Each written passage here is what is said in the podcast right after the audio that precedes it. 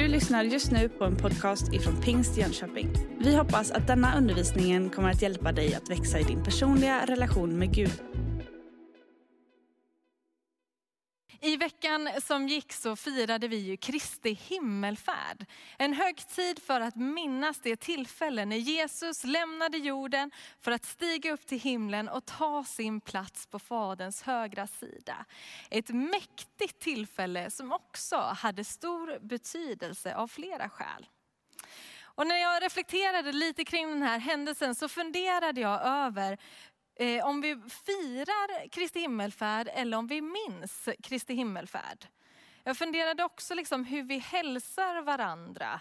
Önskar vi en god Kristi himmelfärd eller en Eh, en, liksom glad Kristi himmelfärd, lik god jul och glad påsk? Eller hur liksom formulerar vi det där egentligen?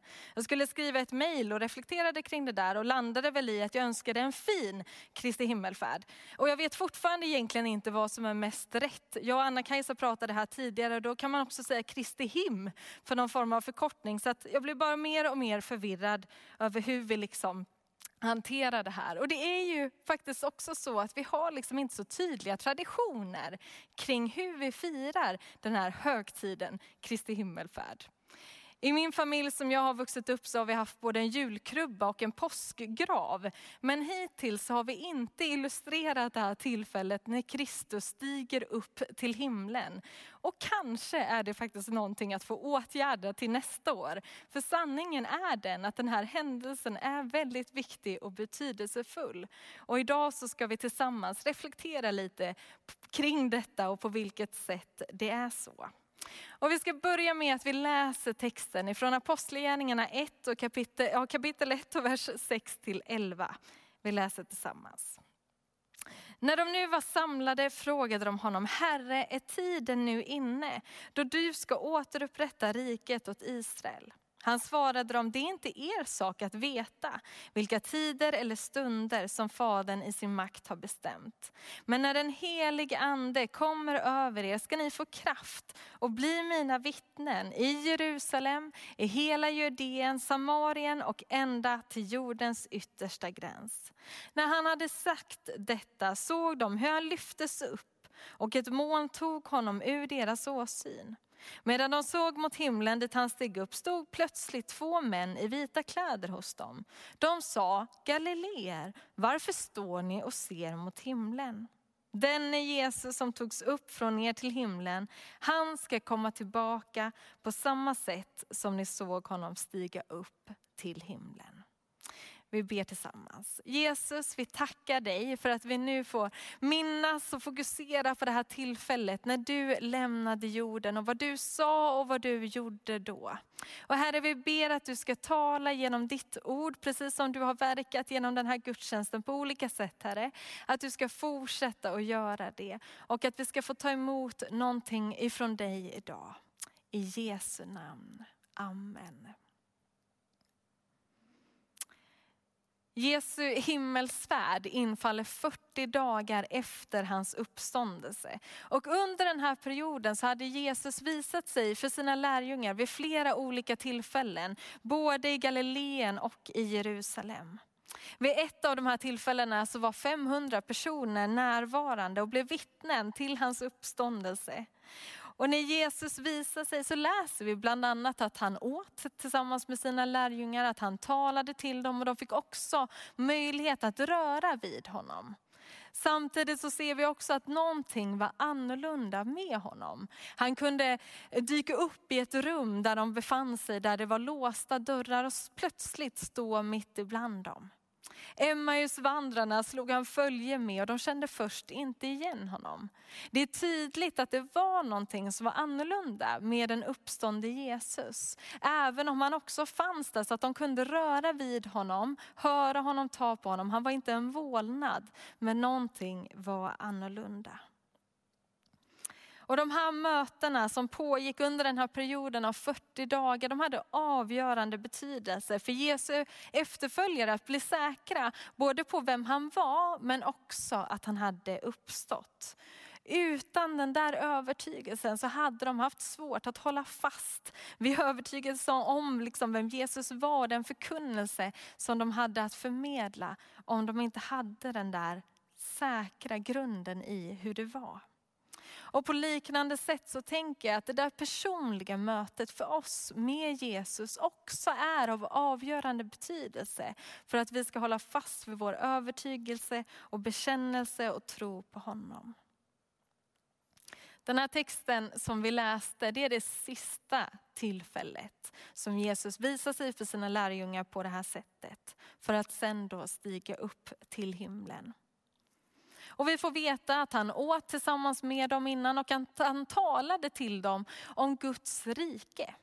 Ett tema som vi ser i evangelierna att han talade om vid flera tillfällen och som också kom att bli en viktig del av lärjungarnas egen förkunnelse. Om ända Jesus fick en ännu större del av det budskapet.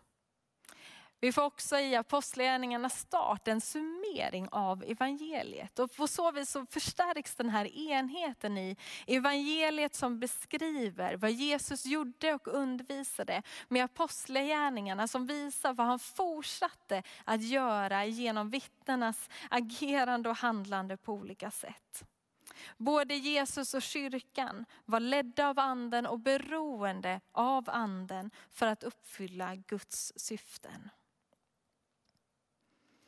I texten då kring Kristi himmelfärd så får vi del av vad som sades i samtalet och vi får den inblicken. Och lärjungarna de ställer en fråga. Nu när Jesus har uppstått från de döda, är det då tid för Gud att etablera sitt styre? Och de undrar så här att Herre, är tiden nu inne då du ska återupprätta riket åt Israel? Och vi vet genom tidigare texter att hos vissa fanns den där förväntan att Gud skulle befria det judiska folket från fiender, just då romarna framförallt. Och etablera en självständig judisk nation där andra folk skulle vara underordnade. Och den här frågan liksom bottnar i det där och den är ju både väldigt relevant och ärlig. Och Jesus svar är inte ett tydligt blankt nej. Däremot så gör han det väldigt tydligt att det är Guds sak och endast hans sak. Att veta tidpunkten för hur Guds rike liksom ska etableras fullt ut. Och det som var viktigare och det som lärjungarna skulle fokusera på, det var det uppdrag som de fick. Nämligen att vara Jesu vittnen från Jerusalem och ända till jordens yttersta gräns spridningen av Guds rike skulle ske genom lärjungarna fyllda av anden. Jag kan också tycka att det här svaret som Jesus ger är tröstande på något sätt. Alltså vi, vi kan ha massa frågor, det kan vara massa saker vi inte förstår. Och vi får uttrycka dem där till Gud. Men även när vi inte förstår så får vi lita på honom. Vi får lita på att han agerar, att han har kontroll, att han vet och bär ansvar. Och just att få landa i det där, att jag menar Gud får vara Gud och vi får vara människor. Och vi får sätta våran tillit till att han vet och att han har koll. Och det som blir vår uppgift det blir ju att ägna oss åt att förkunna och förmedla det där glada budskapet av Guds nåd genom Jesus Kristus.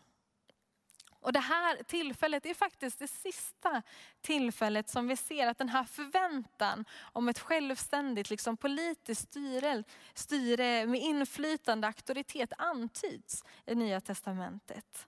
Till skillnad då i evangelierna där det uppkommer i olika grad och på olika sätt vid flera tillfällen. Och istället för politisk makt som till viss del fanns i den ambitionen så utlovas en kraft som är ädlare och större än den. Och det är ju den av den heliga ande som ska komma över dem. Och Jesus lovar att i den kraften så ska de få allt vad de behöver för att kunna utföra och leva ut det uppdrag som han ger dem.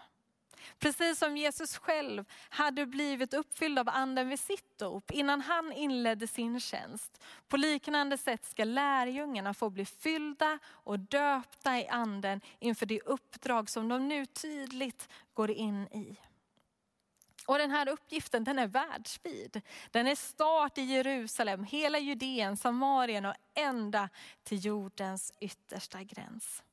Ett stort, omfattande och livslångt arbete och uppdrag som går i linje med målbilden Uppenbarelseboken 7. Där vi ser att det beskrivs en stor skara inför tronen. En skara så stor att ingen kan räkna den. och människor från alla folk och länder och stammar och språk som tillsammans prisar Gud. Det här är ett uppdrag som vi alla är inbjudna att vara en del av. Och för den uppgiften så behövde lärjungarna och också vi den helige ande. Det löftet det uppfylls vid pingsten, men sen ser vi i den fortsatta berättelsen hur anden faller över fler människor och vid flera tillfällen. Och de här orden är ju särskilt viktiga för att de är också de sista som Jesus säger innan han lämnar. Och vi påminns också om det där i hans avskedstal, det han säger till sina lärjungar innan sin tillfångatagning och korsfästelse.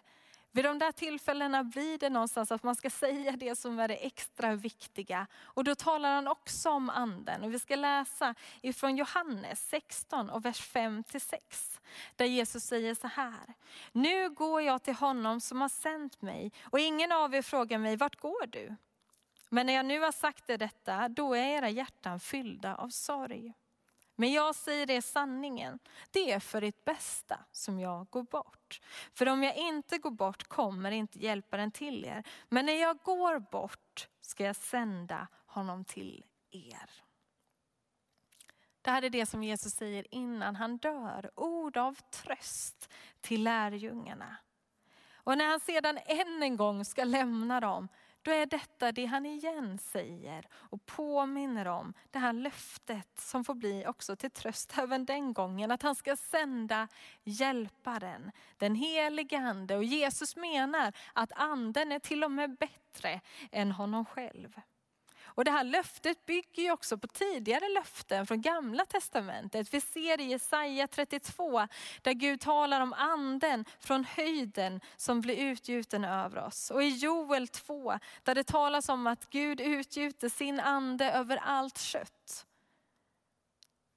Det som det har berättats om, det som det har lovats inför och talats om, det ska snart gå i uppfyllelse. Men vad ska de vänta på? Hur ska det ske? Jesus sa att de ska få kraft eh, när den helige ande kommer över att bli vittnen på alla de här olika platserna. Men hur skulle det gå till och vad menar han? Det vet de inte riktigt. Men de lyder ändå det han säger. De stannar i Jerusalem och väntar under tio ovissa dagar på att få det som Herren hade lovat. I det här uppdraget som Jesus ger så ligger det att vara vittnen och att göra lärjungar. Och det handlar om att leva ut det där uppdraget både nära, lite längre bort, ännu lite längre bort och ända långt borta till jordens yttersta gräns. Och hur uppdraget gestaltas, det tänker jag kan ske på olika sätt. Det kan se olika ut, men det har sin grund och sitt ursprung i Gud själv och i hans gränslösa kärlek. Hans mission, det är resultatet av den han själv är. Någon lärare uttryckte det så här att mission är helt enkelt vad den kristna församlingen har fått i uppdrag att göra. Kyrkan finns till för missionen. Alltså det där ligger så centralt av identiteten av vilka vi är. Och missionens hjärta på något sätt det är ju människors längtan att dela evangeliet och korsa varje gräns för att fler ska få höra och få möjligheten att ta emot. Och jag är väldigt glad och tacksam att få tillhöra en församling som lever med det perspektivet av att det behöver också nå längre. Och jag tror att vi överlag behöver vara vaksamma över det, att se till att våra liv aldrig handlar enbart om vårt eget, våra närmaste sfär, min familj, min kyrka, utan att mina perspektiv får vara större än så och bredare och vidare. Man har räknat ut att det finns 17 014 folkgrupper i världen. Av de här så är 7 063 betraktade som onådda folkgrupper. Definitionen av en sådan är att det inte finns en tillräckligt liksom, eh, kristen inhemsk gemenskap i den folkgruppen som varken har stort antal eller tillräckligt med resurser för att kunna evangelisera sin egen folkgrupp utan hjälp utifrån. Och de här 7063 folkgrupperna de utgör 41,4 procent av världens befolkning. Vilket är ungefär 3,14 miljarder människor. Och man kan ju tycka att det där känns som ett omöjligt uppdrag. Vi har ju fullt upp med vår eget, vår egen liksom stad och vårt eget land. Hur ska vi kunna göra någonting åt de här 3,14 miljarder människorna? Men Jesus han gör det väldigt tydligt för sina lärjungar. Att det redan från start inte bara ska ha fokus på det närmaste utan att deras perspektiv ska vara längre än så. Och vi ser hur de tidigt sänder människor till nya platser också längre bort. För att budskapet ska presenteras för alla folk. Och det där innebar ju inte att de var klara i Jerusalem och när de var det, då skickade de iväg folk. Hade de gjort så, då tror jag aldrig att de hade kommit vidare. Då hade de fått stanna i Jerusalem hela tiden. Utan redan i, i tidig start så ser vi det här av att man skickar människor till nya platser och längre bort. Och det där är en prioritering och någonting som vi också får bygga vidare på. För precis som den tidiga kyrkan skulle leva av de där dubbla perspektiven av både lokalt och globalt så behöver vi göra samma sak. Inte antingen eller fortsätta leva med det uppdraget att alla ska nås. Och varför? Jo men det är ju för att det är det uppdrag vi har fått men det är också den målbild som vi får se framför oss. Att en dag ska människor från alla folk stå inför tronen och tillbe med en mun. Det där ansvaret kan vi inte lägga över på någon annan. Det är vårt ansvar, vårt uppdrag. Är det då naivt att tänka att vi kan vara med och göra skillnad? Ah, inte alls, för jag tänker att vi har en stor Gud.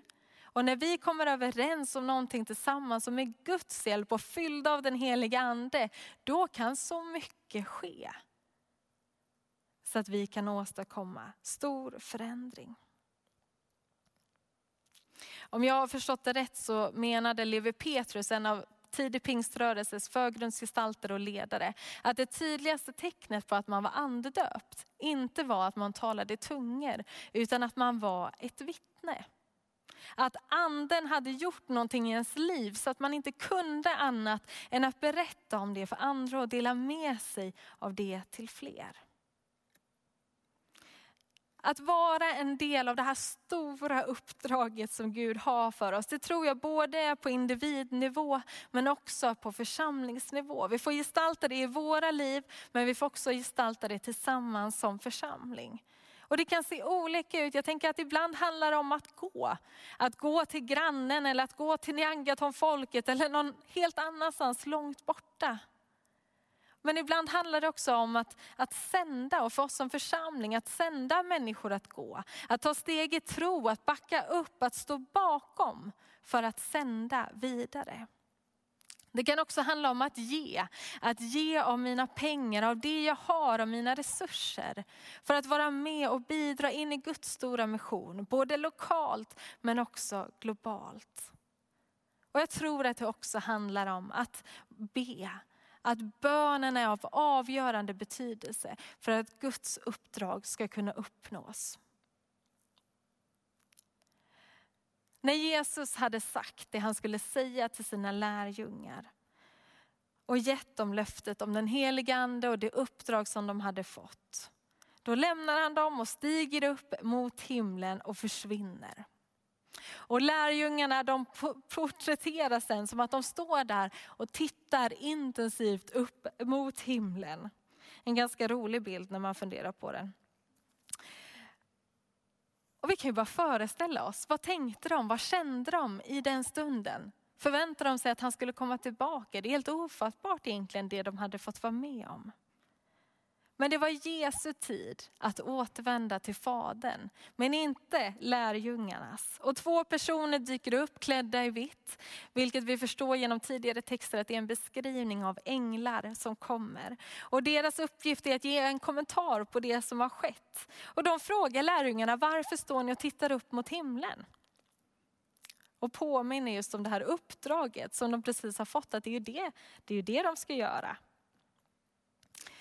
Men de får också genom änglarnas besök en visshet om att precis som det var möjligt för honom att stiga upp så kommer han en dag att komma tillbaka och stiga ner på samma sätt. De hade sett honom lämna i ära och i makt och på liknande sätt ska han en dag komma åter. Och de här verserna de visar på Guds planer och kyrkans plats i de planerna.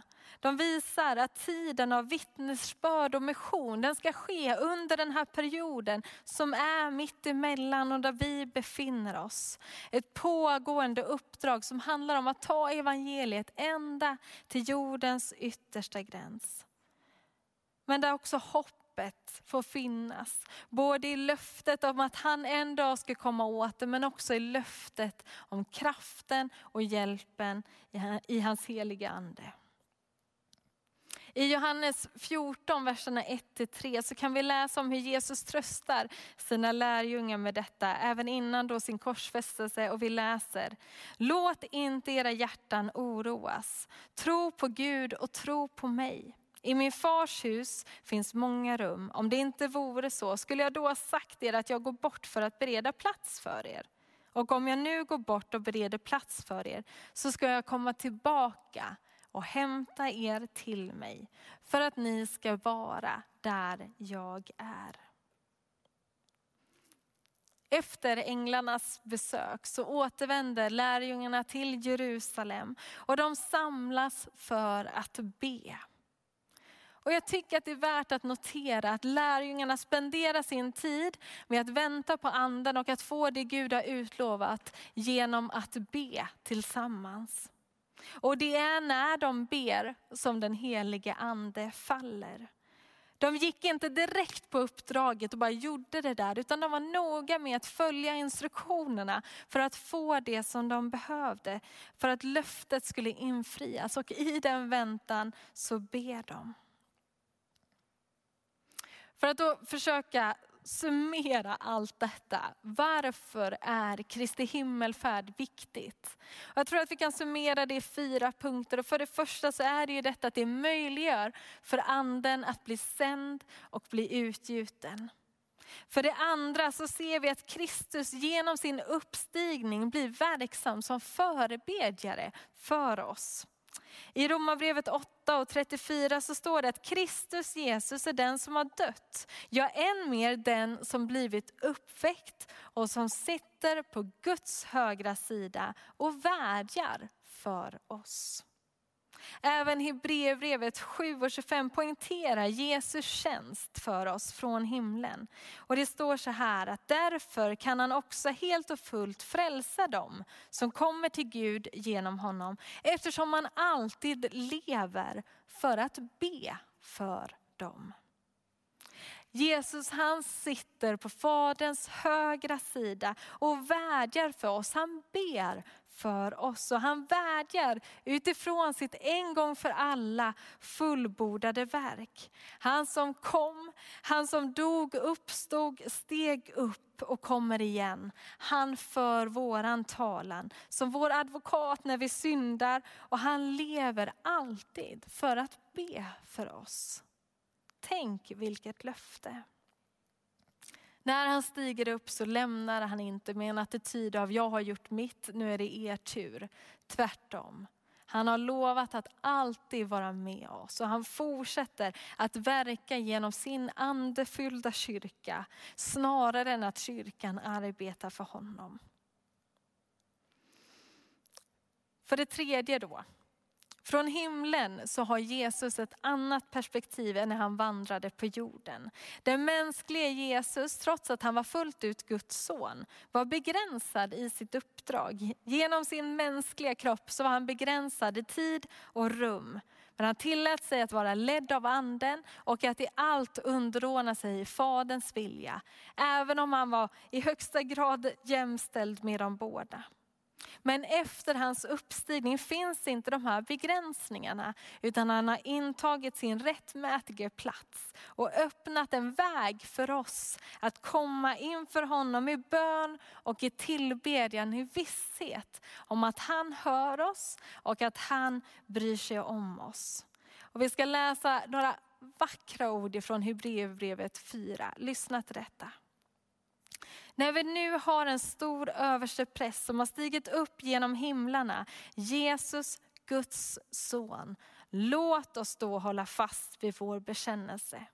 Vi har inte en överstepräst som inte kan ha medlidande med våra svagheter, utan en som har varit frestad i allt, liksom vi, fast utan synd. Låt oss därför frimodigt gå fram till nådens tron för att få barmhärtighet och finna nåd till hjälp i rätt tid. För det fjärde, Kristi himmelfärdsdag rymmer ett löfte om att en dag ska han komma tillbaka. På samma sätt som han lämnade i härlighet och i makt vilket ger oss kraft och tröst i den tid som är nu. Fyra punkter varför Kristi himmelfärd är viktigt. Och det var oerhört viktigt för den tidiga kyrkan och för oss. Men att vara extra liksom säkra på att Jesus verkligen hade uppstått och också stigit upp till himlen. För att ha den här frimodigheten i uppdraget som de hade fått. Men också förtröstan på att Jesus en dag ska komma tillbaka när tiden är inne. Men de hade aldrig klarat av det och inte vi heller utan hjälpen från den heliga ande. I oss själva så klarar vi inte detta. Våran förmåga är inte tillräcklig. Vi är beroende av andens vägledning och hans hjälp. Och lärjungarna de var noga med att följa instruktionerna. De återvände till Jerusalem. De väntade i bön på att få det Herren hade utlovat.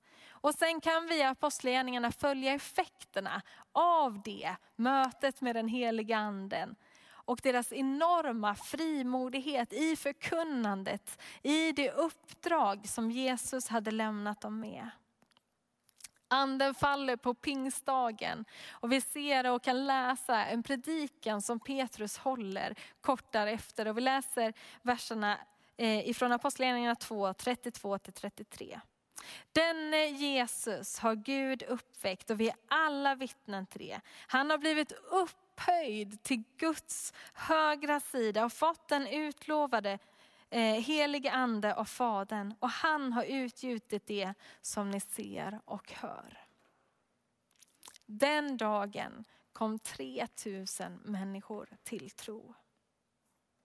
Och Kristi himmelfärd är viktig och något att både minnas och glädjas över och fira. Och vi har fått i uppdrag att vara vittnen ut över hela vår jord. Men inte i vår egen kraft utan i den heliga andes vägledning är vi vittnen. Precis som lärjungarna var beroende av att bli fyllda av anden så behöver vi också vara beroende av det. Och likt lärjungarna så ska vi nu ta en stund i bön och be tillsammans för att be om att få det där som Gud har utlovat och lovat också för oss att få ta emot. Och jag tänker att jag vill utmana dig som kanske ännu inte har tagit det där steget att ta emot Jesus i ditt liv. Att göra det idag. Att säga ditt ja till honom fullt ut och be honom bli en del av ditt liv på ett ännu tydligare sätt. Men jag vill också be för dig som längtar efter detta, som kanske ännu inte har blivit döpt i den helige ande. Att han ska få komma nära dig där du är just nu och få döpa dig i helig ande och kraft. Men vi ska också be för oss alla i det uppdrag som Gud har gett oss. Att vi ska få vara fyllda av kraft, att vara vittnen och att leva ut det som han har gett oss i uppdrag att leva ut till den dag som han kommer tillbaka. Vi ber tillsammans. Jesus, jag tackar dig för att du är så suverän. Tack för att du har all makt i himlen och på jorden. Tack för att vi får vara dina barn Gud, att vi får tjäna dig, tillhöra dig, vara älskade av dig och vi får älska dig tillbaka. Tack för allt som du gjorde på våran jord, men tack också för att du steg upp till himlen och vad det får betydelse för oss. Tack för att du ber för oss, att du vädjar för oss och tack för att vi får komma inför nådens tron. Tack Herre för att du möter oss med barmhärtighet och kärlek. Och jag ber Herre för oss alla som just nu vänder våra hjärtan till dig och ber till dig att du ska komma oss till mötes Herre. Jag ber för den som vill ta emot dig i sitt liv, kanske för första gången. Herre kom och möt just nu, kom och berör, kom med din kärlek och din närvaro Herre. Jag vill också be för den som längtar efter att få bli döpt i heliga Ande. Tack för att du vill ge oss goda gåvor. Precis som föräldrar ger sina barn goda gåvor så vill du ge av din heliga Ande till den som ber dig om det. Och jag tackar dig för den som nu ber om att få bli fylld av heliga Ande. Att du ska komma och fylla med din heliga Ande och kraft den här stunden Jesus. Men Herre, fyll oss alla med din heliga Ande. Låt oss få leva liv som är fyllda av kraft, Herre. Som är passionerade över det som är den du är och det uppdrag som du har gett oss. Herre, tack för löftet om att vi inte behöver klara det på egen hand. Vi behöver inte lösa det i oss själva, utan vi får lita på dig, vi får förtrösta på dig, vi får leva beroende av dig. Så tack Herre för att vi inte behöver vara starka. Vi behöver inte vara duktiga i oss själva. Utan vi får ta emot av din nåd och din barmhärtighet, din kärlek men också din heliga Ande. Och vi tackar dig för det som du gör just nu i våra liv Herre.